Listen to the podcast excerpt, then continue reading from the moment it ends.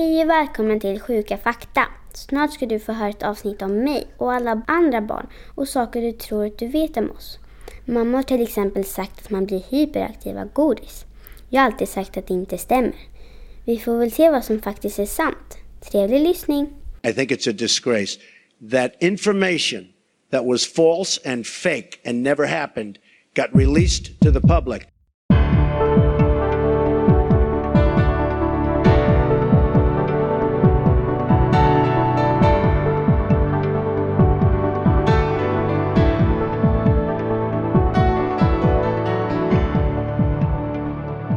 Hej där! Härligt att du har klickat in på podden Sjuka fakta där vi försöker se ifall de föreställningar om kroppen och hälsan som vi hör och läser är korrekta, rent hittepå eller halvfabrikat. Simon Kurös heter jag, hälsopedagog och läkare och idag ska vi ägna hela avsnittet åt samhällets framtid, barnen. Då övertygelsen här är att små barn inte lyssnar på detta avsnitt är tanken att vi ska gå igenom föreställningar som man från vuxenvärlden avsiktligt eller oavsiktligt lurat barn att tro på och som vi som vuxna kanske trott på som barn. Idag hoppas vi på igenkänningsfaktor i flera led och då är det inte mer än rätt att vi leds genom denna upplysning med en av de främsta barnläkare som nu verkar innanför rikets gränser. Dagens eminente gäst heter inget mindre än Tobias Alvén. Han är barnläkare vid Saxka barn och ungdomssjukhuset i Stockholm, docent i global barnhälsa, Barnhälsa. vid institutionen för global folkhälsa vid Karolinska institutet. Han har i över 20 års tid kombinerat forskning med kliniskt arbete i pediatrik, alltså barnmedicin, och har parallellt lett och utfört uppdrag åt FN såväl på fältet som vid högkvarteret i Genève. Han satt med i FNs grupp för uppföljning av millenniemålen och idag leder han diverse projekt runt om i världen vid sidan av sitt läkararbete i Stockholm. Om inte det vore nog är han sedan 2020 ordförande för Svenska Läkaresällskapet. Du sitter och nickar här snyggt, det är härligt. Det är ingen liten lista, men det är också därför du sitter med mig här idag. Varmt välkommen Tobias! Tack Simon. Eller jag kanske borde säga tack för att jag får vara här. Vi är faktiskt hos dig på Widerströmska. Varför blev du just barnläkare? Jag har alltid tyckt det var roligt med barn. Ända sedan jag själv var barn. Då tycker väl alla att barn är roliga för det är ju ens vänner då. Men sen när jag blev eh, större så direkt efter gymnasiet så arbetade jag först som förskollärare och sen som lärare på högstadiet. Och sen så visste jag inte vad jag ville göra utan då åkte jag utomlands och jobbade som handikappassistent åt en eh, tonåring med en muskelsjukdom som heter Duchennes muskeldystrofi. Och kände att nej, men det här är nog det jag vill hålla på med. Och då läste jag medicin och sen hade jag väl ändå barnmedicin någonstans i barnhuvudet men inte säker var jag. Men så blev det det och det har jag faktiskt aldrig ångrat. Har du själv barn? Ja, två stycken barn. En dotter som snart fyller 14 och en son som är på väg att fylla 12. Och den oundvikliga frågan här då. Hur har det varit att vara barnläkare och så ledes ändå någon typ av samhällets expert på barns utveckling och att följa sina egna barn? Det är en väldigt bra fråga faktiskt. Att oftast är det väldigt bra att man kanske kan lite mer men ibland så växer också tankar och oro som kanske inte andra får. Och ibland kanske man kan lugna sig själv på ett bra sätt och ibland kanske man inte kan lugna sig själv på ett bra sätt. Eh, och sen tycker jag det är viktigt att man kan göra lite smått som läkare åt sina egna barn. Men eh, det är viktigt att man har andra kollegor som är ens läkare precis som det är viktigt för en själv att man inte försöker göra allting själv. För man är ju nog inte en riktigt bra läkare för sina egna barn eller någon i sin egen familj. Det är svårt att ställa sig helt utanför. Men det är inte så att du har kommit på dig själv med att göra kontroller? Nej, jag har faktiskt försökt att sånt där. undvika det. Ja. För att annars blir det bara att om man ska börja lyssna på hjärtat hela tiden och göra kontroller och blev det där verkligen rätt eller inte. Så jag har försökt att undvika det. Nej, det har jag gjort. Ja, och i din umgängeskrets, är det många som vänder sig till dig för tips och råd? Och... Ja, det är inte helt ovanligt med ett samtal sent på kvällen och bara Hej Tobias, hur är det? Ja, vad kul att du ringer. Sen så bara, jag har bara en liten fråga. Nu är det våran tvååring som har ramlat här. Hur ska vi göra nu? Okej, och det tycker jag ingår lite grann i jobbet som läkare. Att man faktiskt är läkare när man kan. Och de flesta tar det på ett väldigt bra sätt och accepterar när man inte kan. Och när man kan så är det bra att vi kan hjälpas åt. Det tycker jag ingår i läkarrollen. Stöter du på många myter och föreställningar om barn, tycker du? Det beror på vad man kallar för en myt, men väldigt föreställningar. Det kanske är myter egentligen. Och många som innan man får barn vet precis hur man ska göra. Om man gör det på det här sättet så kommer det bli perfekt. Så kanske det fungerar jättebra på första barnet. Så man kommer på att det här är lösningen hur barn både ska äta och sova och få allting att funka. Så gör de precis samma sak på andra barnet och så blir ingenting likadant. För alla barn är olika och vi är genetiskt olika och sen så hur man reagerar på omgivningen. Och då blir det mycket på något sätt, ja men om man bara hade gjort så här. Och sen så är det lätt att man tycker om andras barn, många på något sätt, ja men varför gör de på det där sättet? Vi har gjort så här, och det blev jättebra. Och det kanske inte alls har funkat, de kanske gjort ännu mer av precis samma men det har inte funkat. Så mycket myter om att om man bara gör på ett visst sätt så blir det så här, det är väl det stora.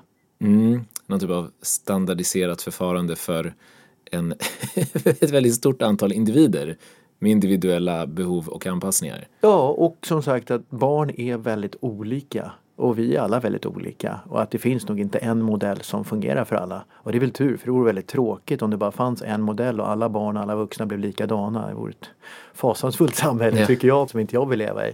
Nej. Så det är bra att vi är lite olika. Och sen finns det ju ramar även inom det här. Och det finns ju mycket bitar som man absolut inte ska hålla på med. Och flyttar man till en del andra länder runt om i världen, eller bara Sverige för 50 år sedan, så var ju aga helt normalt. Och det är ju fasansfullt när man ser det utomlands. Jag klarar inte av att bara sitta stilla med den där. Så här, hur ska jag göra nu? Jag måste säga till. V vadå? Ja, men ser du inte att de slår sitt barn? Jo, men det får man göra här.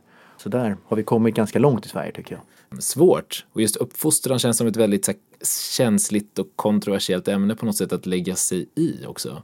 Ja, och där tycker jag det är viktigt att just uppfostran det kan vi ju inte lägga oss i om vi liksom inte blir ombedda. Om det inte är bland goda vänner. Det finns ju inget värre när folk går runt och säger titta på mössan på ditt barn, herregud. Men däremot för oss inom hälso och sjukvården så ser vi att ett barn far illa till exempel har råkat ut för aga eller misskötsel eller varit ute för inte varit bra. Då är det ju vår skyldighet. Vi begår ju tjänstefel om vi inte gör en anmälan till socialtjänsten. Och det är väldigt bra att ha med sig det i sin yrkesroll. Att vi behöver liksom inte tänka ska man, ska man inte, utan vi måste. Och det är ju samma sak om man uppfattar någonsin i omgivningen, om du jobbar, att se någonstans att någon råkar illa ut. Då är det vår plikt också att ingripa. Sen kanske inte det handlar om att sätta på mössan eller säga åt hur man ska äta. Det är en helt annan sak tycker jag. Mm, och det är intressant, för det kommer vi faktiskt ta oss an lite idag också, om hur mössan är så viktig och hur det egentligen står till med maten. Eh, men, men jag tänker så här, vi kan ju gå in i det, för dagens upplägg är tänkt att vara något sånär kronologisk, där vi börjar med spädbarnet och avslutar med första dagen i skolan. Och till vår hjälp i det här samtalet som i väldigt många andra samtal så brukar jag eh, lägga upp det med fem olika mer kallade huvudföreställningar som på något sätt får bädda in hela ämnet och förhoppningen på slutet är ju att vi har fått svar på de flesta eller kanske alla. Eh, och sen kommer lite annat längs vägens gång och så tar vi det lite på volley.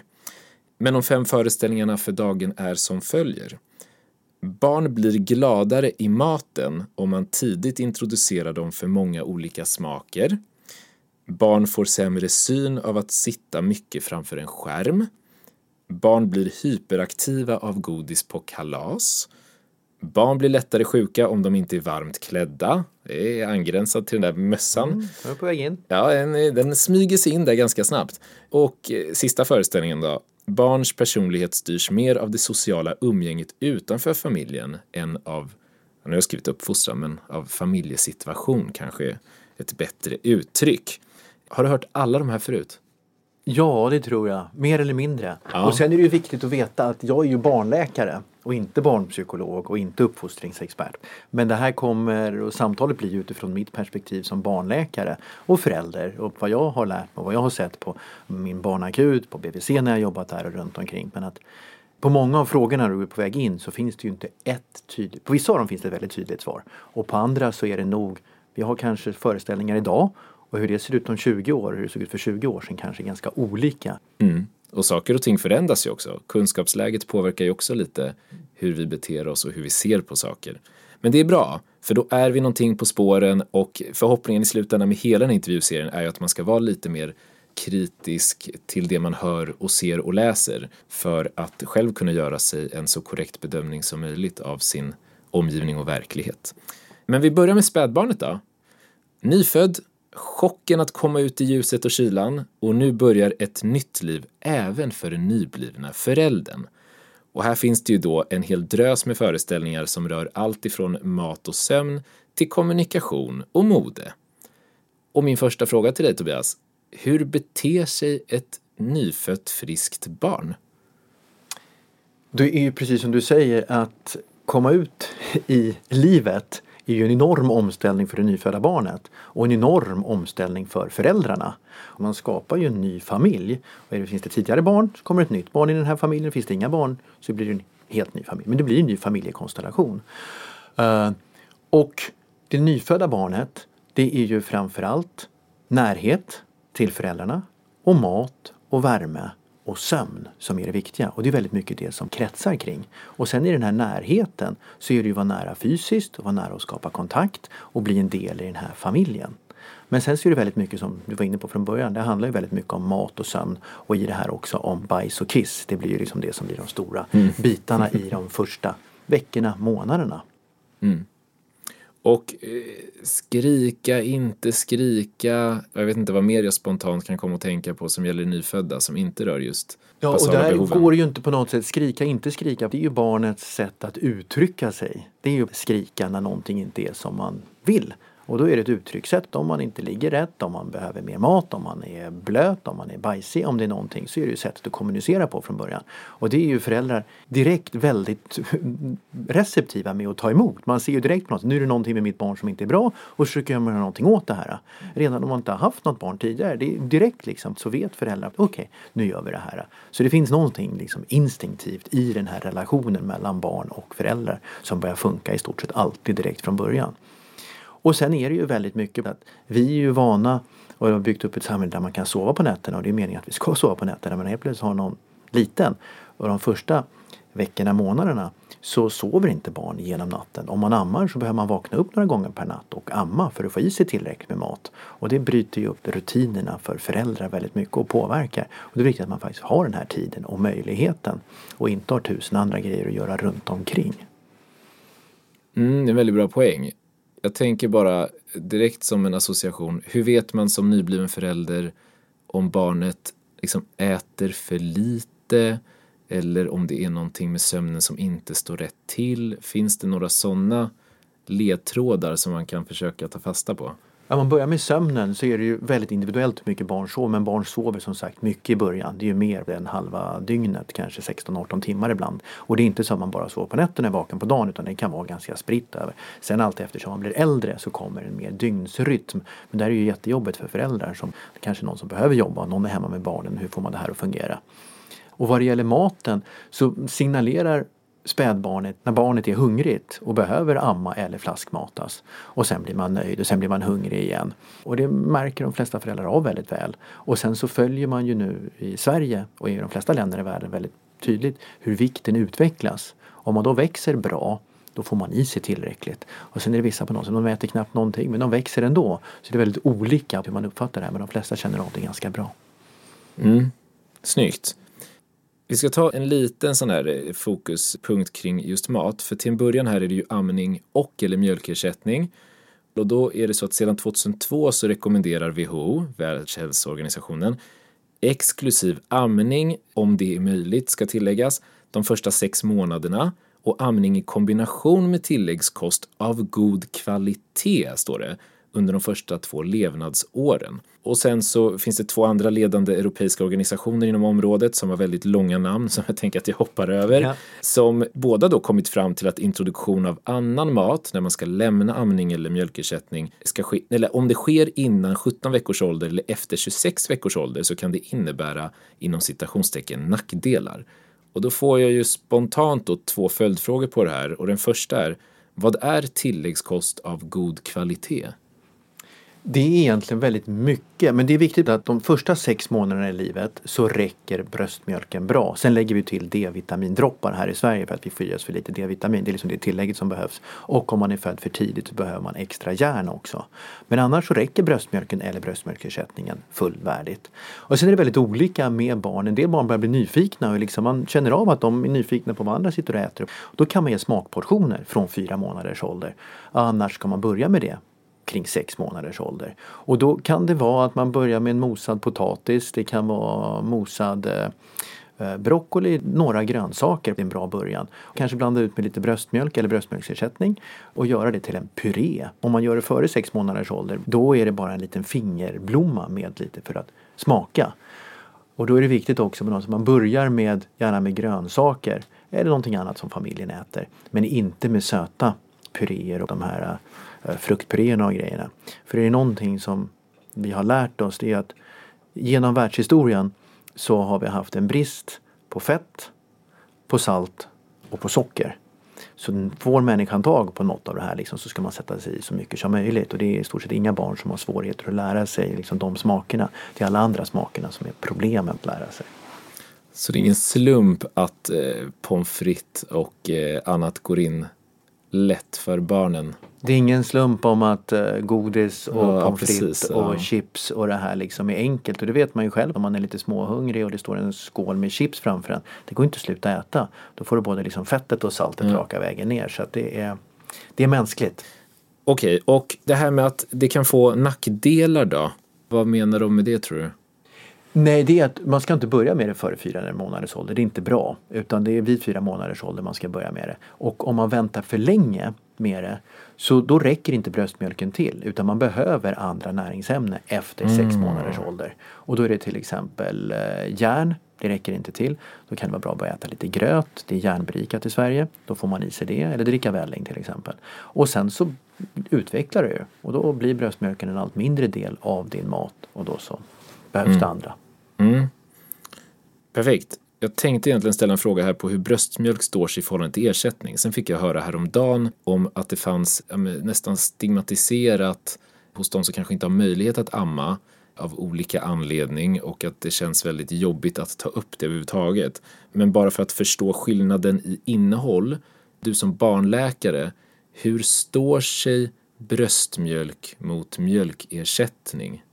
Ja, men då är det jätteviktigt att veta att det är om vi ser på det här på global nivå eller i svensk nivå på ett svenskt perspektiv att bröstmjölk är ju fantastiskt. Allting finns redo. Det innehåller allting man ska. Det tas lätt upp. Det skyddar lite grann extra mot infektioner och det är en fantastisk mat. Men i Sverige där vi har rent vatten, vi har möjligheter att göra rena flaskor och vi har bra upplägg så fungerar bröstmjölksersättning också väldigt bra. Så det ska liksom inte stigmatiseras. Men däremot fungerar amningen om man vill amma så är det jättebra. Men så är det jättebra med bröstmjölksersättning också. Däremot i fattiga delar av världen där man kanske inte har tillräckligt med pengar för att få ta på bröstmjölksersättning. Du kanske inte har tillgång till rent vatten, rena flaskor, ingenting. Där kan det bli jättefarligt. Och då har man de här liksom, generella reglerna eller rekommendationerna över hela världen. Att det är amningen som är framförallt. Och nu när vi ändå är inne på det här med mat, det här med nappar och nappflaska. Behöver man, nu pratar vi om det här med att saker inte alltid är rent. Behöver man som förälder alltid koka eller på något sätt rengöra dem innan användning? Och nu pratar vi om här i Sverige tänker jag. Nej, i Sverige har vi rent vatten. I Sverige så man ska diska av nappflaskor, nappar, allting sånt och hålla det rent. Men man behöver absolut inte hålla på och koka det mellan användning. Nej. Och gemensamt för mycket av maten som erbjuds är att den ofta kan värmas i mikron och där kommer också de här puréerna in som du var inne på bland annat. Och det är däremot något som många drar sig för på grund av en antagen fruktad effekt. Och då är min fråga, stämmer att näringsämnen försvinner i en stor utsträckning när man mikrar maten? Nej, utan mikra är att värma upp mat. Och värmer man upp mat i mikron eller värmer man upp mat på plattan så är det samma effekt på maten. Det är en del vitaminer som försvinner när man värmer upp maten. Och sen så det som är en risk om man värmer i mikron så kan det bli ojämnt varmt däremot. Så man värmer upp en nappflaska eller någonting. Eller en burkmat. Att man tittar igenom, inte bara känner att det känns lagom utan tittar igenom ordentligt på något Så Är det någonstans som är alldeles för varmt för barnet? Att man inte bara serverar någonting direkt från mikron så ojämnt mer än att det skulle vara något annat bakomliggande dolt. Eh. Nej men det tror jag hänger i mycket. Att det kändes ju konstigt när mikrovågsugnarna kom. Stoppa in någonting i liksom en låda och så värms det upp. Det, det, det var liksom så var det hokus pokus. Hokus pokus, strålning och allting. Då, då känner man sig lite orolig. Sen finns det ju familjer som inte har någon mikro. De tycker att det blir godare och bättre om man liksom gör det på spisen. Fine, då funkar ju det. Mm. Många använder mikron, det är fantastiskt. Det går ju så snabbt och enkelt och så är det klart liksom. Bra. Mm. Alla får göra som de tycker känns bäst. Ja. Ja. Vi, är fortfarande, vi har inte kommit så långt i åldern för den här nyfödda som vi inledde med. Och när barn äter generellt i den här åldern så får man kanske blunda för bordsskicket lite. och inte sällan hamna i saker på golvet. Och då är frågan, gäller femsekundersregeln? Alltså är det okej att äta något för barnet om man plockar upp det inom fem sekunder eller är det fake news? Nej, alltså den här femsekundersregeln är roligt hur vi människor försöker få allting. Det ska handla liksom om tre eller fem eller sju. De här liksom lite magiska talen. Femsekundersregeln tror jag bara att det är fem fingrar på handen. Då blir det fem sekunder. Eh, utan det som har landat på golvet hemma hos oss det är som sagt oftast helt okej okay, om det inte fastnar massa småbitar någonting. Det kan man ta upp och göra rent och ge barnet igen. Däremot sitter man på sjukhuset och väntar på min akutmottagning och tappar någonting på golvet. Då kan det finnas virus och bakterier där. Så det, det handlar om var man är.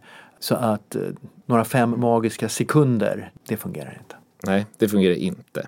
Utöver att introducera mat av god kvalitet så finns det en stor föreställning som förespråkar att man tidigt introducerar många smaker och konsistenser då det skulle göra att barnen blir gladare i maten snarare än att man håller sig till enstaka smaker som då skulle hämma en sådan utveckling.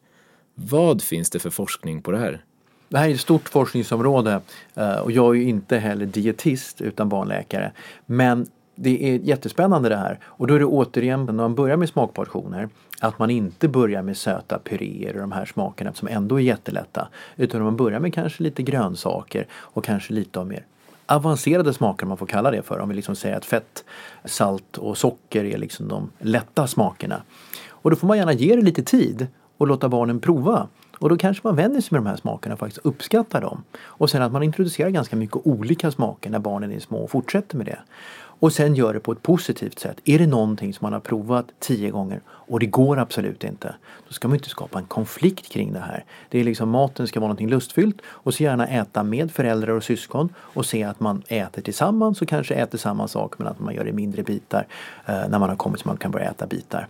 Och sen är det återigen det vi var inne på från början, att barn är väldigt olika. Vad som fungerar på ett barn fungerar absolut inte på ett annat. Och man kan ha ätit jättebegränsat under hela uppväxten och vara världens gourmet när man blir stor och utveckla smaken väldigt mycket. Så det är absolut inte så liksom att bara för att man ätit begränsat upp till tonåren att man helt plötsligt inte kommer kunna liksom utveckla sina smaklökar senare.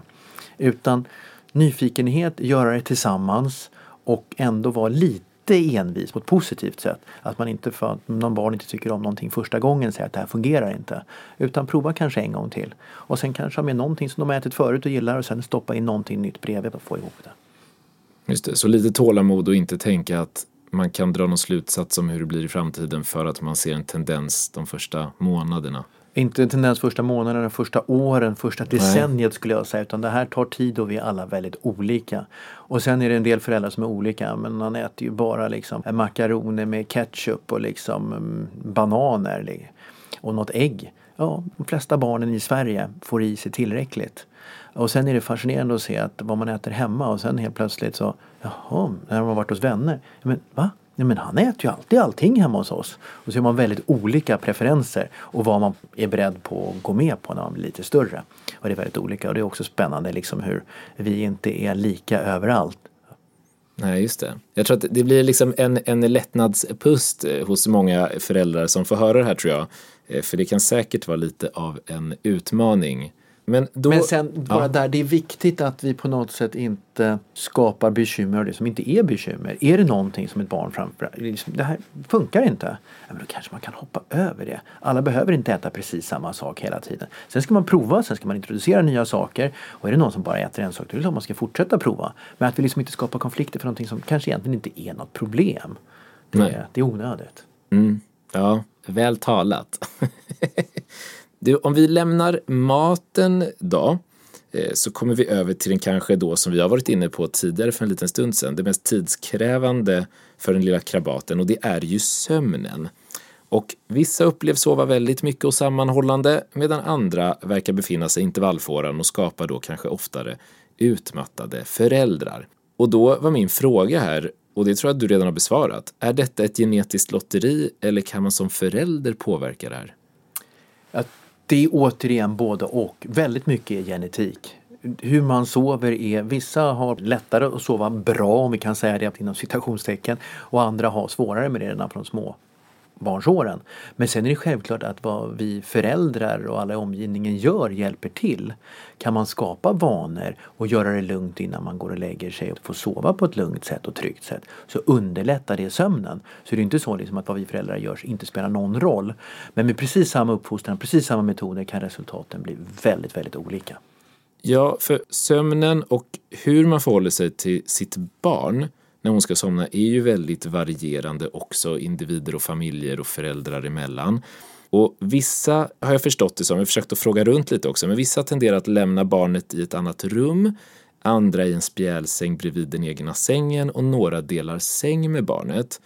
Skulle du säga att det finns något av de här som är mer fördelaktigt än något annat och i så fall varför? Ja, först är det bara viktigt att barn, spädbarn, innan de kan börja röra på sig ska ju sova på rygg och inte på mage eller på sidan. Det är ju en säkerhetssynpunkt och det är jätteviktigt. Och sen att man inte ligger alldeles för nära så man kan hamna på barnen, framförallt om man är väldigt trött. Men annars är det upp till föräldrarna vad man vill göra. Och sen så är det viktigt att ju yngre barnet är desto viktigare är den här närheten att ha barnet väldigt nära sig. Så de första månaderna att sova i olika rum eh, det låter konstigt men sen när barnen blir större då kan man ju utveckla det. Och sen är det inte bara skillnad på familjer och individer. Det är ganska stor skillnad globalt sett igen hur man ser på det här med sömn och vad som är normalt och onormalt och hur man gör. Det är kulturellt ganska mycket också. Och det här med att du sa att barnet ska ur säkerhetssynpunkt sova på rygg. Varför? Det är för att man vet att riskerna för plötslig spädbarnsdöd är väldigt mycket större om man sover på magen. Och det är en spännande bakgrundshistoria faktiskt kring det här att genom hela världshistorien så har barn alltid sovit på rygg eller på framförallt mammorna men ibland på papperna att man liksom har suttit fast i en sel eller någonting. Eh, men när man ser bilder historiskt och när man vet hur folk lever så sover barn på rygg. Men sen var det under Koreakriget som amerikanska sårade soldater, traditionellt sett hade man under krig också lagt sårade på rygg. Och då såg man att de ofta mådde dåligt och då ofta kräks eller får blod eller någonting och då kan få ner det här i lungorna och kvävas. Och det var då det här framstupa sidoläge introducerades att sårade soldater skulle ligga i framstupa sidoläge. Och då var det någon som tänkte men andra som också kräks mycket, det är ju småbarn. Alltså småbarn borde ligga på mage. Så utan några studier, utan någon annan evidens än vad amerikanska sårade soldater i Koreakriget mådde bra av började man införa på global nivå på barn. Och sen fick man när man började se det här, det var ingen som förstod det, men plötsligt spädbarnsdöd var under de här 50 och 60 och 70-talet väldigt vanligt runt om på jorden. Tills man i Australien och Nya Zeeland såg epidemiologiska, alltså studier på samhällsnivå, såg att det var väldigt mycket vanligare att man hade legat på mage med de som dog i plötslig spädbarnsdöd. Och då började man vända barnen allt mer och såg i studier att det minskade mycket plötslig spädbarnsdöd. Och sen så insåg man också att rökning var en stor riskfaktor.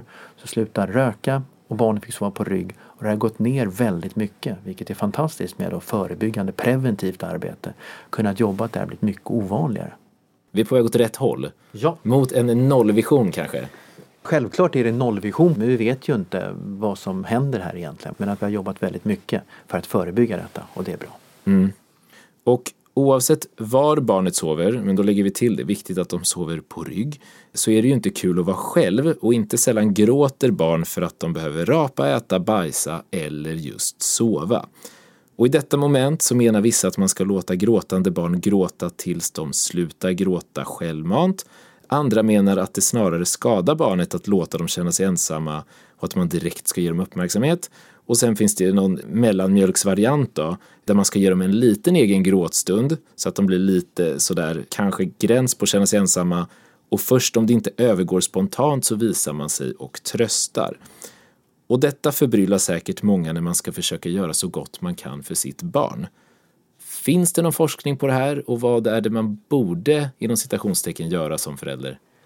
Återigen, jag tror inte att det finns ett svar som är rätt här utan det är väldigt mycket vad känns bäst för en själv som förälder och hur reagerar ens barn. I Sverige har det ofta kallats liksom för fem minuters metoden. Man ska inte gå in förrän det har gått fem minuter. Då brukar de flesta inte göra de första levnadsmånaderna utan de blir lite större. Och för vissa tycker att det funkar jättebra. Barnen har liksom fått bättre sömnhygien, kan sova tryggare själva och bli bra. Och både barn och föräldrar verkar tycka om det här. Och andra, de barn skriker tills de kräks och fortsätter, det fungerar inte alls. Så det blir en katastrof och det är ju jättejobbigt för både barnet och familjen. Då ska man ju inte fortsätta med det här. Och som sagt, jag har haft familjer där man med de två första barnen har funkat perfekt med fem minuter och tycker det är inga problem, varför sover inte alla barn? Och så kommer tredje barnet så gör man precis samma sak. Ingenting fungerar. Så det är som sagt väldigt individuellt och vi ska inte komma med för mycket kloka råd.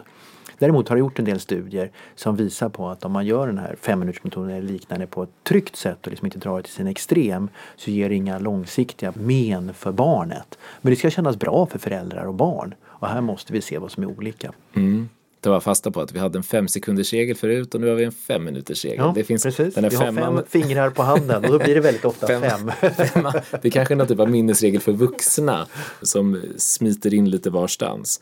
Och som vi nämnde för en stund sedan då, tänker jag, så är det här bajsnödigheten inte en ovanlig orsak till gråt. Det är många saker som kan få dem att gråta, men det är deras kommunikationsverktyg, så det är inte så konstigt. Men med bajs så kommer vi osökt in på potträning och blöjor. När ska man potträna sitt barn?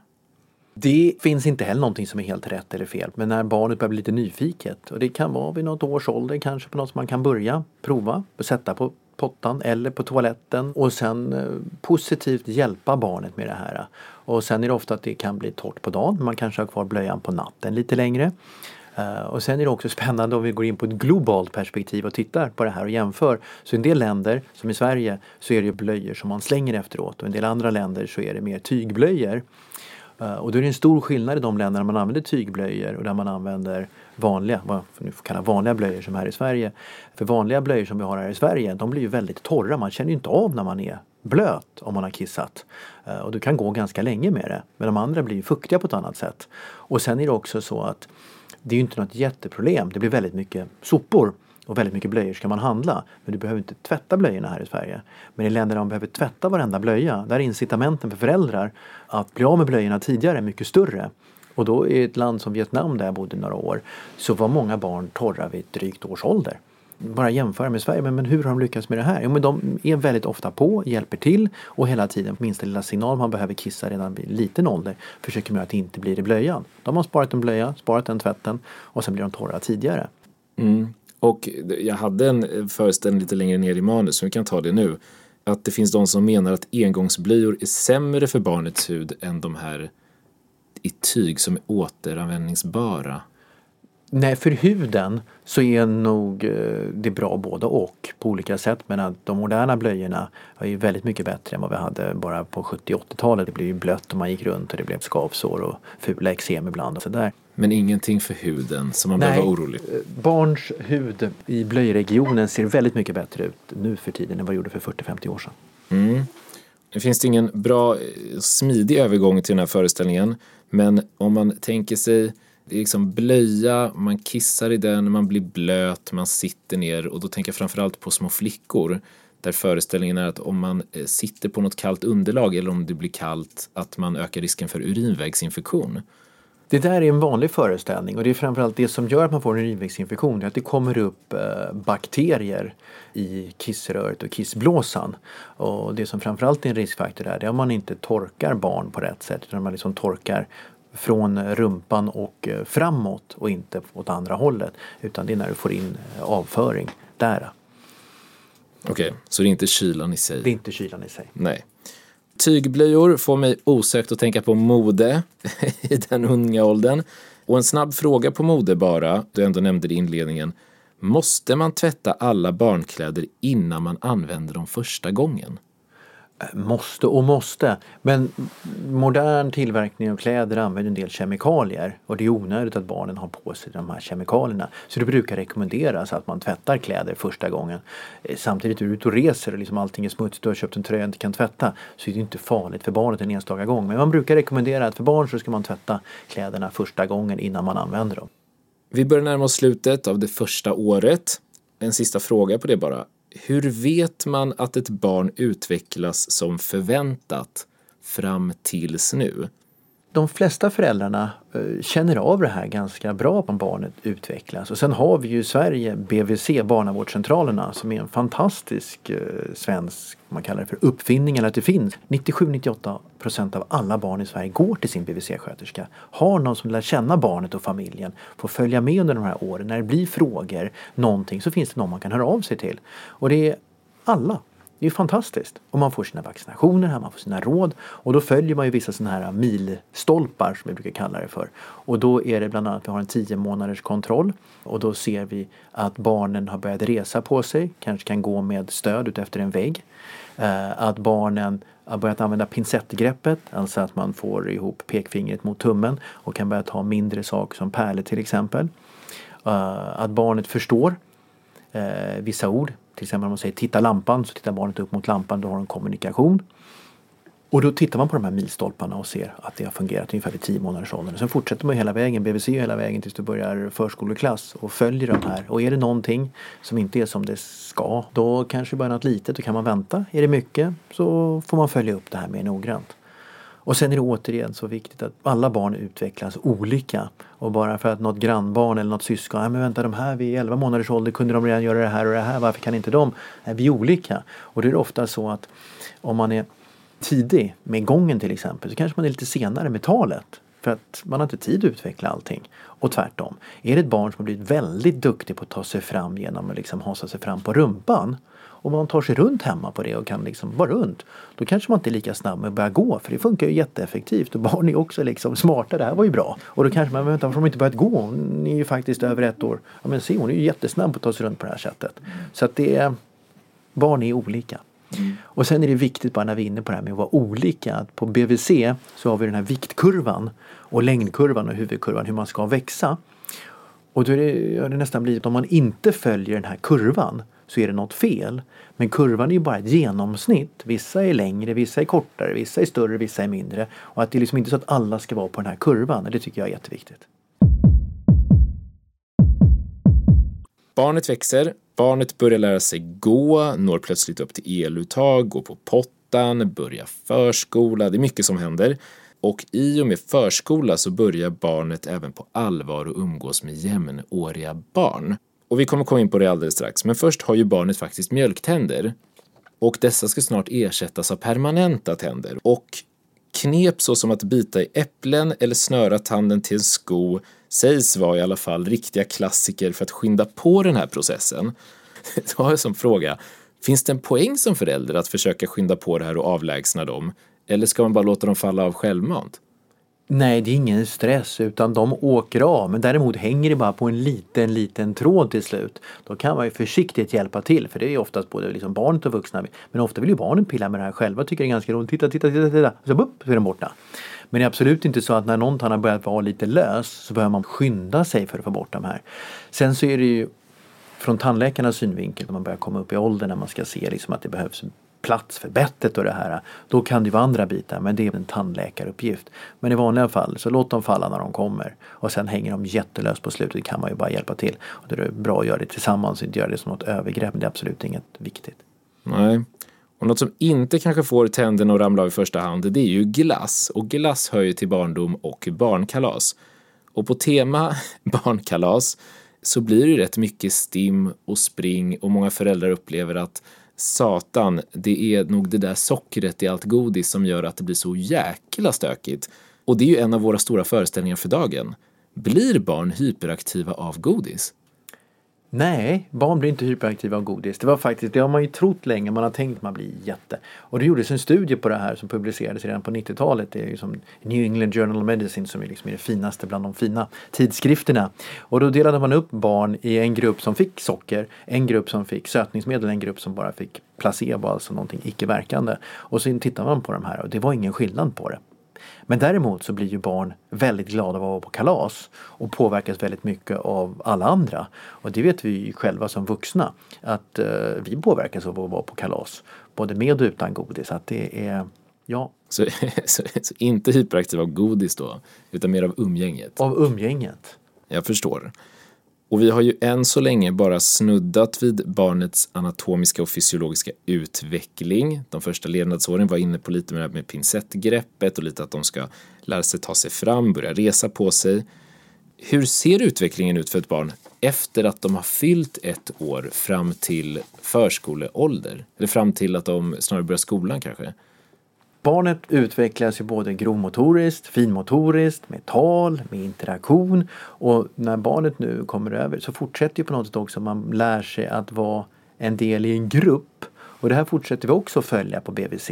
Så vid 18 månaders kontrollen, ja men då ser vi att barnet går säkert. Vi ser att barnet kan börja bygga torn med klossar, två, tre bitar i alla fall. Vi ser att barnet talar några ord, att barnet förstår mer än tio ord och kan leka gömmalekar, den här liksom till tut börjar barnen göra vart. Sen fortsätter vi med regelbundna besök på BVC tills man börjar förskoleklass. Och då är liksom sista besöket vid femårsbiten. Då är det mer att titta på hur barnet interagerar och förstår liksom intellektuellt. Då ska man kunna lyssna på en berättelse utan bilder och kunna sätta sig in i det här. Då har man kommit lite längre i utvecklingen. Och sen ska barnet kunna berätta en kortare berättelse.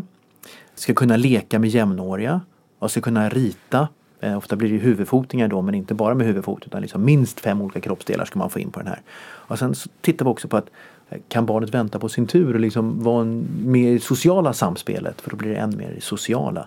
Så att allt det här utvecklas under de här första åren. Det är en fantastisk del i livet. Och vad mycket det händer när man tänker tillbaka. Från det här när vi var inne på föds och kan ju ingenting själv egentligen. Behöver föräldrarna för i stort sett allt.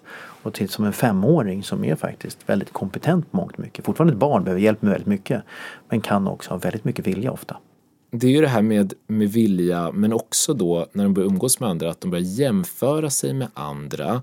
Och det tänker jag också kan skapa viss huvudbry hos föräldrarna.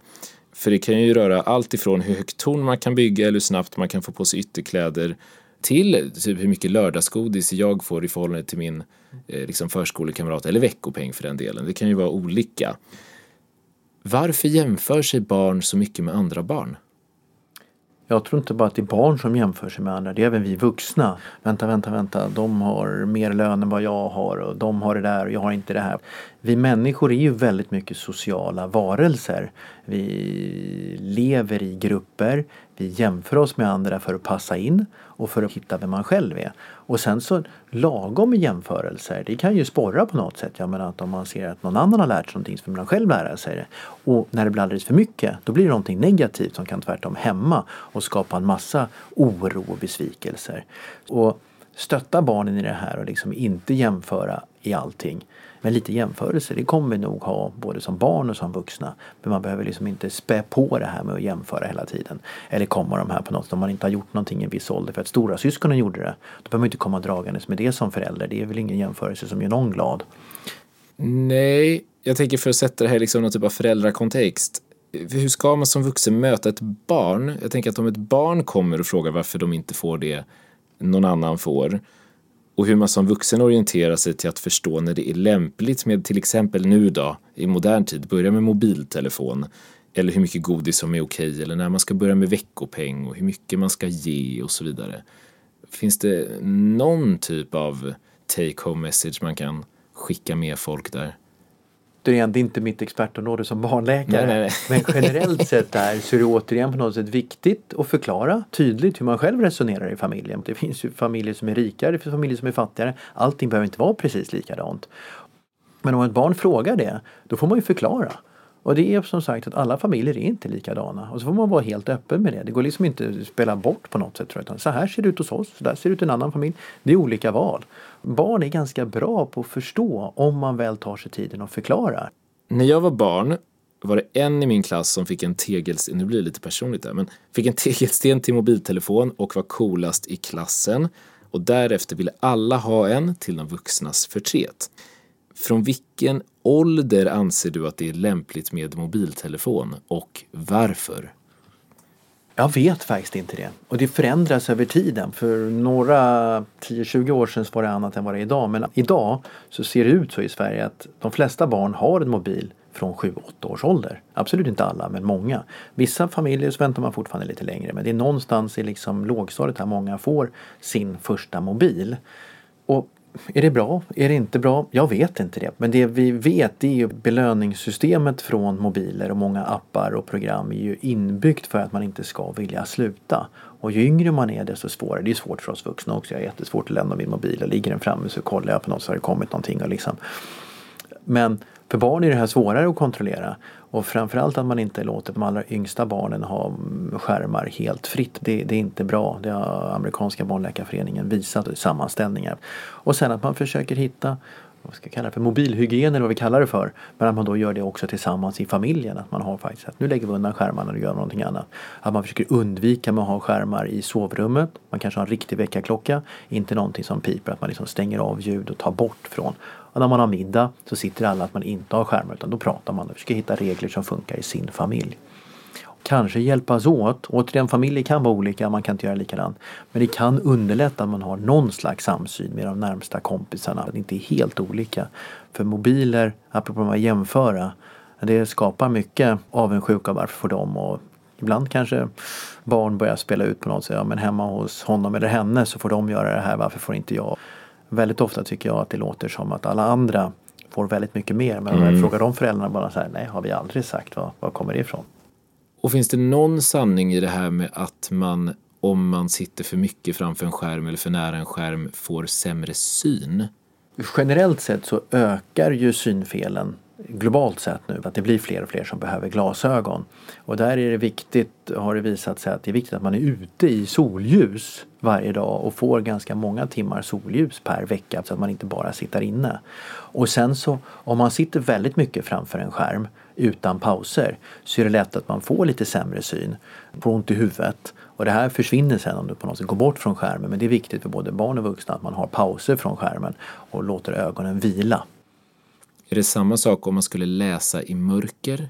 Nej, det finns ingenting. Man blir kanske trött av det men det är inte farligt för synen att läsa i mörker. Nej. Nej, så man behöver inte insistera på att alltid tända lampan för sitt barn. Nej, men däremot läsa. så ser man ju ofta sämre och att man blir tröttare av det tycker jag själv. Mm. Så det kan vara bra mm. med lampan. Men det är inte så att man förstör synen Nej. genom att läsa i mörker. Om vi stannar vid det här med att sitta framför en skärm så innebär den tekniska utvecklingen att man idag motionerar mindre i befolkningen än tidigare och det skapar ju en del problem, bland annat utbredd övervikt och hjärt-kärlsjukdom som börjar längre och längre ner i åldrarna. Är stillasittande även ett potentiellt problem för små barn tycker du? Ja, absolut. Det här är ju viktigt att säga på något sätt. Nu sa du att eh, vi motionerar mindre än tidigare. Eh, det beror på vad man menar med motionera. Jag skulle istället säga rör på sig. För motionera låter så mycket liksom att nu ska jag ut och motionera. Men det är ju inte det som är det viktigaste. Det är att vi rör på oss. Och då måste vi skapa ett samhälle där det är lätt att röra på sig. Och där ser man att det är stora skillnader i för återigen 40-50 år sedan så de absolut flesta barnen gick eller cyklade ganska tidig ålder själv till skolan. Och nu är det fler och fler som skjutsas med bil. Och gör man det då får man inte den här dagliga motionen.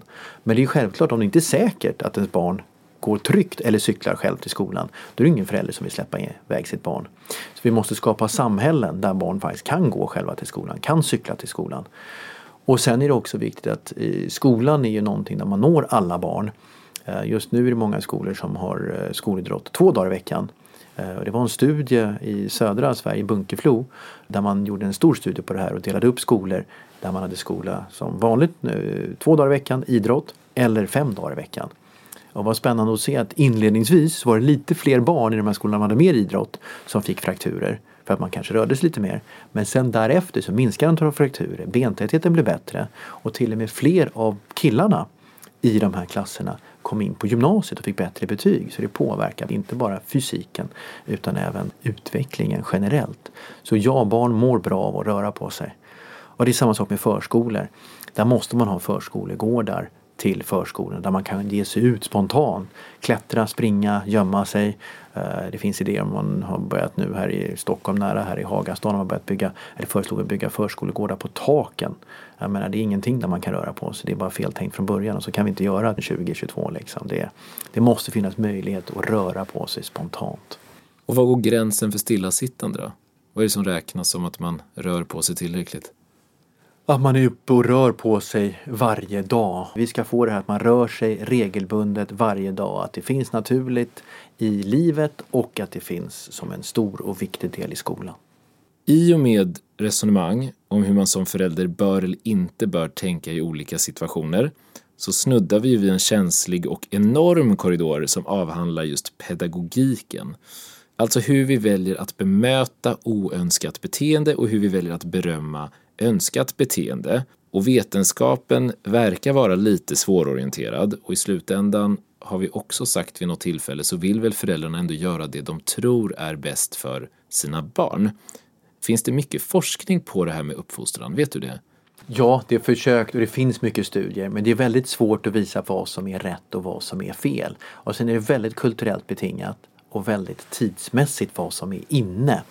Eh, så att jag är ingen expert på det här området och jag kan inte hela litteraturen. Men det har varit mycket och det pågår mycket. Men jag har inte sett några stora välgjorda studier som visar på att det här är det bästa sättet att berömma sitt barn.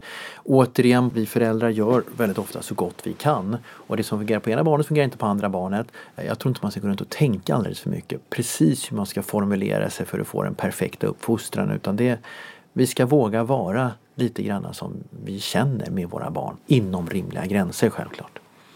I pedagogikens namn så finns det en fråga från en av våra lyssnare, Carolina Vargas. Hon undrar om man bara ska berömma barn för specifika beteenden eller om man även kan be dem vara så att säga snälla eller duktiga att utföra en uppgift. Alltså, skulle du kunna vara snäll att göra X, Y, Z? Och då finns det tydligen då vissa som skulle hävda att ordvalet indirekt syftar till att de annars inte är duktiga och att det här på något sätt skulle göra någon stor skillnad för uppfostran. Hur viktigt tror du att retoriken är här? Nej men jag tror återigen det här med att man ska börja liksom väga varje ord varje gång man ska öppna munnen i sin relation med sina barn. Det tror jag skapar mer bekymmer. Sen så tycker inte jag att vi ska gå runt och bedöma barnen hela tiden och säga att nu är inte du bra, det där är inte bra. Det blir ju negativt. Där har vi kommit väldigt långt i Sverige tycker jag. Väldigt många föräldrar är jätteduktiga på det här. Men vi kan inte gå runt och tänka på varje enskild mening vi har i relationen med våra barn. Det, det blir ju väldigt märkligt. Jag tror väldigt ofta att det här kommer naturligt. Men sen är det nog bra bra att vi liksom har lärt oss. Tidigare fanns det ju en kultur av att det viktigaste i föräldrar-barnrelationen var bara liksom att få prestationer. Man skulle lära sig så mycket som möjligt, man skulle växa, man skulle äta bra, man skulle sova bra. Allting handlar om att prestera. Och det blir också jättetråkig uppfostran. Det är ju så mycket mer än att prestera här i livet. Eh, men vi behöver inte vara så jätteoroliga. Och råkar man säga fel citationstecken igen så kommer inte du ha förstört livet för ditt barn. Nej, Ja, och förutom då, på tal om det här med retoriken, förutom ordval så tänker jag även här på tonen som vi kommunicerar med. För jag har nämligen hört någonstans ifrån, jag kan absolut inte hänvisa till någon direkt källa, att man för språkutvecklingens skull inte ska prata med barn på ett barnsligt sätt utan prata med dem som man talar till en vuxen person. Som om de skulle då, för det vet jag är en gammal föreställning, att det egentligen är små vuxna och det kom man ju ifrån sen längre fram allt eftersom forskningen gick framåt. Men jag tror samtidigt aldrig att jag har hört någon tala vuxet till en tvååring. Utan man anpassar ju talet. Och då är min fråga, ska man tala inom citationstecken normalt? Eller ska man anpassa talet? Och vad gör det egentligen för skillnad? Det är precis som du säger, det är så spännande. Det finns ingen som normalt vänder sig ner till en tvååring och pratar på samma sätt som du och jag sitter och pratar. Man anpassar hur man pratar och de ord man använder. Det är på något sätt inbyggt och barnen lyssnar mer när man faktiskt vänder sig till dem och de märker att man vänder sig till dem och inte gör sig till att prata på ett vuxet sätt till barn. De permanenta tänderna börjar ta plats Eftermiddagsaktiviteterna löser av varandra och ibland som avbrott från lek kan det klämmas in en övernattning hos kompisarna. Nu väntar första dagen i skolan. Och vi ska lämna barnen här alldeles strax och summera lite vad vi lärt oss och se om vi fått svar på våra stora frågor för dagens avsnitt. Men först skulle jag bara vilja dra fem snabba påståenden med dig som skolbarnet kan ha nytta av att få svar på som jag fick höra under min uppväxt och som jag tror att många kan känna igen. Om man klär sig för kallt, vi börjar känna igen de här snart, om man klär sig för kallt ökar risken att bli förkyld. Det är ett jättevanligt påstående. Alla föräldrar vill att barnen ska klä sig lagom varmt. Det är inte kylan som gör att vi blir sjuka på vintern. Det är ju virus och bakterier och framförallt virus som är förkylningarna. Och det är vanligare på vintern för att vi är mer inne, vi umgås tätare och luften blir kallare och torrare. Då sprids de här virusen lättare. Sen är det att om man blir svårt nedkyld och blir liksom jätte, jättekall då minskar även immunförsvaret och du blir lättare förkyld. Då måste man bli jätte, jättekall och då mår man jättedåligt på andra sätt. Och sen finns det även nyare studier som visar att när näsan blir lite nedkyld så kan riskerna öka att man får i sig virusen eller bakterierna så att de kommer längre in och risken blir större att man blir sjuk. Men det är en ganska ny forskning. Så det är inte kylan som gör att du blir sjuk, det är virus eller bakterier. Nästa tanke då för barnen som ska börja skolan och det hör ihop med det här med att man klär sig för kallt. Att man inte ska gå ut i kylan med blött hår för att det också kan göra en sjuk. Återigen, det är ju inte liksom kylan som gör att man blir sjuk, det är virus och bakterier. Men har man blött hår, vatten Vatten leder ju värme och kyla väldigt mycket bättre. Så har du blött hår så leds värmen bort mycket, mycket lättare. Och att då blir det absolut mycket kallare. Har man blött hår så är det bra att ha på sig en mössa om man inte vill bli kall. Jag tror risken att du ska bli sjuk av att du inte har på den här, det är nog liksom ett onödigt argument. Men har man blött hår så är det nog ganska skönt och vill du gå, ha blött hår när du går till skolan så kommer inte det vara det som gör dig sjuk. Nej. Största delen av kroppsvärmen avges genom huvudet. Ja, det där är också spännande som ofta sägs. Det där är ungefär 10% av kroppsytan är via huvudet. Det är ungefär 10% av värmen som avges via huvudet. Om man nu står alldeles naken. Men har du sett på dig massa varma kläder och täcker upp resten av kroppen och bara har huvudet utan då blir det ju en relativt stor del av värmen som försvinner via huvudet för att du har täckt upp så bra på resten av kroppen. Men det funkar inte att gå i badbyxor och bara ha en mössa på sig. Då skyddar du inte mycket. Men däremot går du välklädd och går ut utan mössa och har blött hår, då försvinner väldigt mycket av värmen. Du kommer frysa trots att du har satt på dig jättevarma kläder. Mycket fokus, alltså vi var inne på det också i början av samtalet. Det är mycket fokus på det här med mössa och eh, värmen och kylan den vägen.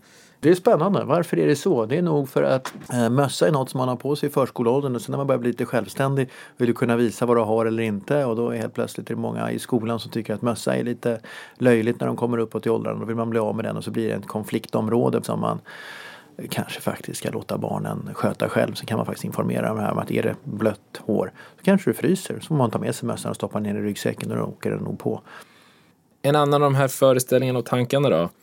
Om du knäcker fingrarna så får du ledproblem senare i livet. Nej, det, det, får man inte. När man knäcker fingrarna så är ju det att det uppstår små, små, små luftbubblor inne i ledvätskan. Och när den här släpper så knäcker man fingret. Och det är spännande faktiskt. Har man, jag vet inte om du har provat men när man knäckt fingret så går inte det att göra direkt efteråt igen. Det tar ju liksom 20-30 minuter tills det här kommer tillbaka. Men det var en eh, engelsk läkare som hade hört det här från sin mamma och gjorde faktiskt en studie på det här på sig själv. Så han knäckte fingrarna på ena handen under 50 år men inte på andra. Och han fick ingen skillnad i ledproblem. Nu är det här ingen studie, det är en individ så det kan ju på något sätt bara vara slumpen. Men jag tycker ändå det är ett spännande och väldigt ambitiöst experiment på sig själv. Och sen en föreställning som eh, på något sätt kommer tillbaka till det här med synen och vikten av att bibehålla en god syn. Om man skelar så riskerar ögonen att fastna. Ja, det är också vanligt. Jag har hört det från många olika länder. Men nej, ögonen fastnar inte om man låtsas skela. Nej. Nej, så det kan man göra bäst man vill om man nu tycker att det är det roligaste man, vet. Det man kan göra, absolut. Ja. Finns det någon annan föreställning här som du vill skicka med skolbarnen eller föräldrarna för den delen som du tycker är återkommande som sprids ofta bland unga barn, tänker jag framför allt. Och föräldrar för den delen. Ja, vad bra fråga. Vi har diskuterat många av de olika föreställningarna men det är väl mycket den här att det finns väldigt mycket tankar kring det här. Att de här bara uppfostrar barnen på det här sättet så kommer det bli på det här sättet. Och att det ofta kommer väldigt mycket moden. Det är någon som har en ny teori och så är det ofta tre eller fem eller vad det nu handlar om och så sätter man minuten eller tre goda råd för att någonting. Så många av de här myterna och idéerna kanske är inne några år och sen försvinner de. Ja, man behöver inte vara så orolig om saker avviker lite från det liksom normala eller det förväntade hos ett tidigare syskon eller grannbarnet. Eller? Precis, inom normala gränser. För jag tycker det är jätteviktigt, vi var inne på det från början på något sätt, aga. Nej, aga är inte bra för barns utveckling. Och det är vi jättetydliga med. Det har vi kommit långt i Sverige. Det tycker jag är oerhört bra. Eh, men och liksom ta det hela vägen till att man ska väga varje ord för att man kanske kan liksom misslyckas i sin barns uppfostran om man inte är perfekt hela tiden. Då skapar det en stress hos föräldrarna som säkert känns för barnet. Sen tror jag det är bra att vi pratar med andra föräldrar och de man känner och på något sätt hur gör ni? Man byter erfarenheter och då lär jag mig som förälder, tror många föräldrar lär sig i den här dialogen. Och det är också spännande att det, ingen av oss är ju liksom expert utan vi lär oss hela livet. Ja, och för nu har vi ändå återkommit två gånger till det här med aga. För jag tänker att i vissa kulturer, vad du är inne på, är det ju en del av det normala, så att säga, i uppfostransteknik och det har det varit i Sverige också tidigare. Dels, eh, vad är det med aga som man tycker är så förkastligt att det absolut inte går? Vad är det man har sett?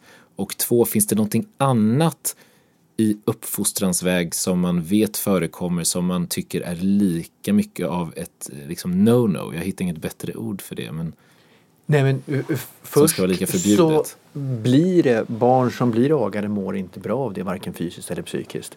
Vi slår inte varandra som vuxna. Om jag blir arg på dig nu under vårt samtal att du uttryckt någonting så är det inte så att jag smäller till dig. Jag räknar inte med att jag ska bli påhoppad av dig. Och det är på något sätt vårt sociala umgänge. Och gå runt i sitt eget hem och vara rädd för att man får en örfil. Det skapar en osäkerhet. Det skapar otrygghet och skapar olycka faktiskt. Och även mer våld i samhället. Uh, där har vi kommit långt i Sverige och fler och fler länder kommer efter att man förbjuder aga både i skolan och i hemmet. Och sen annat sånt här no-no. I skolan förr i tiden stoppade barn i skamvrån och den här offentliga skammen och säga att någonting är helt fel. Eller samma sak i hemmet, den här liksom peka ut inför andra. Det tycker jag oftast är väldigt destruktivt. Och det var vi inne på tidigare på något de här jämförelserna. Och vara tvungen att sitta och skämmas offentligt, skampålen och hela de här.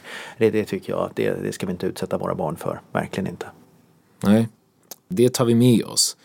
Tobias, vi börjar lida mot någon typ av upphällning för dagens avsnitt.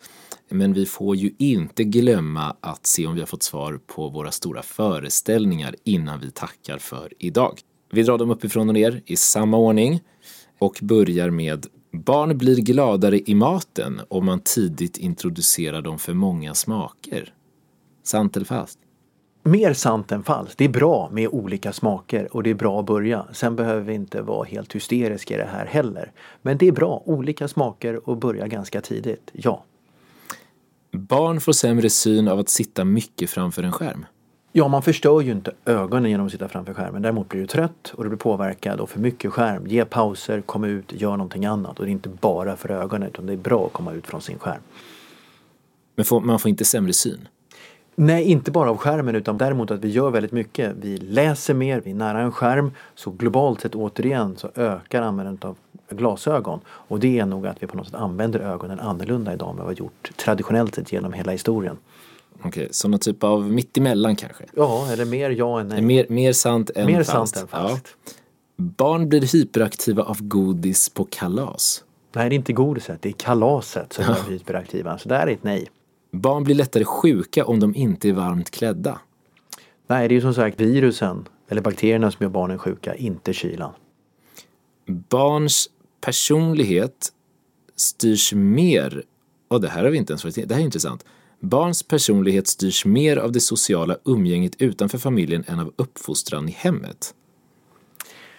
Ja, det där har ju varit mycket forskning och mycket teorier. Det har varit tvillingstudier mycket där man jämför tvillingar som har vuxit upp i samma familj, i olika familjer. Hur mycket är genetik, hur mycket är uppfostran, hur mycket är det utanför familjen. Och det finns återigen ingen exakt sanning men ganska ofta mm, säger man i de här studierna att ungefär hälften är genetik och hälften är faktorer som inte är genetik, alltså hela runt omkring oss. Och det här som är runt omkring oss så är familjen en del, men nog inte den största delen.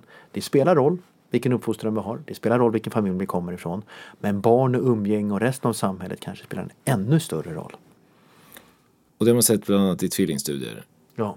Har man något estimat på hur många procent av liksom uppfostran kontra umgänge? Nej, jag har försökt med olika fördelningar och olika men jag tycker när man börjar sätta procent på det där, jag, jag tror inte på det. Någon försökte sätta liksom hälften, alltså 50 procent var genetik, 10 procent var familjen och resten var övriga samhälls och omgivningsfaktorer. Men att sätta exakta procentsiffror på det här och egentligen vad spelar det för roll? Det viktiga är att det är våra gener och det är vår miljö och familjen Det spelar faktiskt roll allting vilka vi blir. Och då ska vi göra vad vi kan i vårt umgänge, i våra familjer för att hjälpas åt och bli så, ja, lyckliga. Eller lyckliga det är inte bara ett mål med att vara lycklig på något sätt, men leva ett bra liv. Det hjälper våra barn att bli det.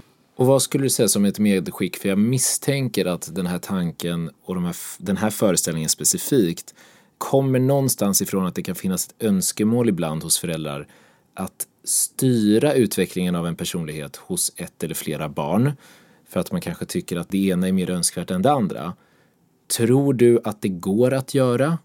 Och i så fall hur? Jag tror egentligen bakgrunden till det här var att om man går tillbaks ett halvt sekel så la man väldigt mycket på allting var föräldrarnas fel. Och det var väldigt ofta mammans fel. Om någonting inte blev bra för barnen så var det mamman som hade gjort något fel. Och så blev det liksom verkligen, det här har inte varit bra. Och sen började man se att det spelade en roll men absolut inte en sån här stor roll. Och det var mycket mer det övriga umgänget och genetiken. Och det har man ju sett barn som växer upp i en miljö där ingenting fungerar. Och det är därför vi har socialtjänsten att kunna hjälpa till. Nu är vi inne på extremfall när ingenting fungerar. Då, är det, då ibland krävs faktiskt ett miljöombyte. Men det är absolut inte för den vanliga citat familjen. De absolut flesta familjer gör ju det här väldigt bra och de flesta föräldrar gör ett fantastiskt arbete i Sverige. Det tycker jag man ser på den akutmottagning där jag jobbar. Det är ju liksom jättefin interaktion mellan barn och föräldrar. Från det de kommer första dagen tills de är 18 och vi slutar se dem. Jag är, jag är jätteimponerad över svenska föräldrar vad de gör faktiskt. Mm. Bra. Då eh, sätter vi punkt för huvudföreställningarna. Så idag, vi har ju lärt oss bland annat då, fem sekunders regeln verkar ju inte gälla. Mikron är inte farlig för att värma maten. Sen ska barnen i möjligaste mån undvika stillasittande var vi inne på en sväng. Och man kanske inte behöver stressa med att dra ut mjölktänderna heller nödvändigtvis. Även när den börjar bli lite lös. Du Tobias, är det något du tycker att vi har missat eller någonting som du känner att det här skulle verkligen vara bra för lyssnaren att få med sig som vi inte har varit inne på avseende barn och barns utveckling? Nej, jag tror att vi har täckt väldigt mycket och det jag bara som ett sista medskick är återigen att svenska föräldrar kan väldigt, väldigt mycket och har väldigt bra koll på sina barn. Och när det inte räcker till så Eh, 1177 innehåller väldigt mycket goda råd just nu. Och när inte det räcker till att man tar kontakt under de första åren med sin BVC och det är en fantastisk svensk inrättning där man får mycket stöd och hjälp när det inte riktigt fungerar, man behöver någon. Och till viss del så funkar det här med att läsa. Men ibland behöver man ju någon att bolla med och faktiskt på något sätt se hur tänker jag, är det här rätt? Och någon som har träffat ens barn, och då är det ofta BVC-sköterskan som har träffat och sett barnet och kunnat följa med. Ja men nu har det här hänt, nu gör vi på det här sättet. Och få det stödet. I många andra kulturer har man ju liksom familjen mycket närmare sig. Man kan bolla med några äldre släktingar eller någonting har det blivit. Här i Sverige är det inte alla som har det. Många har flyttat, kanske kommit från en annan kultur hit eller bara flyttat från Malmö till Stockholm och då har man ingen att fråga från en annan generation och då är BVC en väldigt bra hjälp i det här att nå fram. Och sen under skolan så har vi ju skolhälsovården där det finns skolsköterskor, skolläkare, kuratorer och man också tar hjälp och stöd av dem när det behövs. Mm. Ett väldigt bra medskick. Så vill man så finns det hjälp att få via 1177 och BVC och skolsköterska och skolkurator med flera, med flera. Med flera, med flera. Och sen är det som sagt, jag tror det är bra också att vi bollar de här frågorna. För det finns som sagt ofta inte ett rätt svar. Utan med bekanta, man har sin lilla grupp med vänner. Och som sagt inte en jämförelse att nu har mitt barn gjort det här. Den här exakta jämförelsen blir ganska tråkig. Men att får bolla de här frågorna, det är jättesvårt. Det gör jag själv både med kollegor och vänner och grannar. Hur gör man det här? Nu gjorde vi så här. Nu har det här hänt. Hur ska vi tänka här? Ja, men vi gjorde så där. ja, Men det låter som är bra. Och så lär vi oss av och med varandra. Det är ju liksom det som är livet lite grann också. Och sen att få se ens barn växa upp i med och motgång. Det är ju fantastiskt att få vara en familj och hjälpas åt. Livets mirakel. Livets mirakel, det var en bra sammanfattning. ja, jag tänkte att jag skulle ha någonting punchigt att lägga till på slutet. Du Tobias, ett varmt stort tack för att du ville vara med i dagens avsnitt och lära mig och lyssnarna mer om egentligen då våra yngsta medborgare i samhället lite bättre och vilken hjälp som finns att få. Tack så mycket. Tack Simon.